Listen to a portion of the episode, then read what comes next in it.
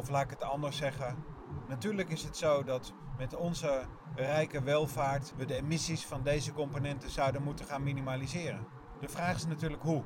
En het antwoord op deze hoe is niet super ingewikkeld. Wij zullen de emissies hiervan moeten gaan beprijzen. Wil ik dan beweren dat er helemaal geen probleem is rondom stikstofverbindingen? Of geen probleem is rondom CO2, rondom NOx of andere chemische verbindingen?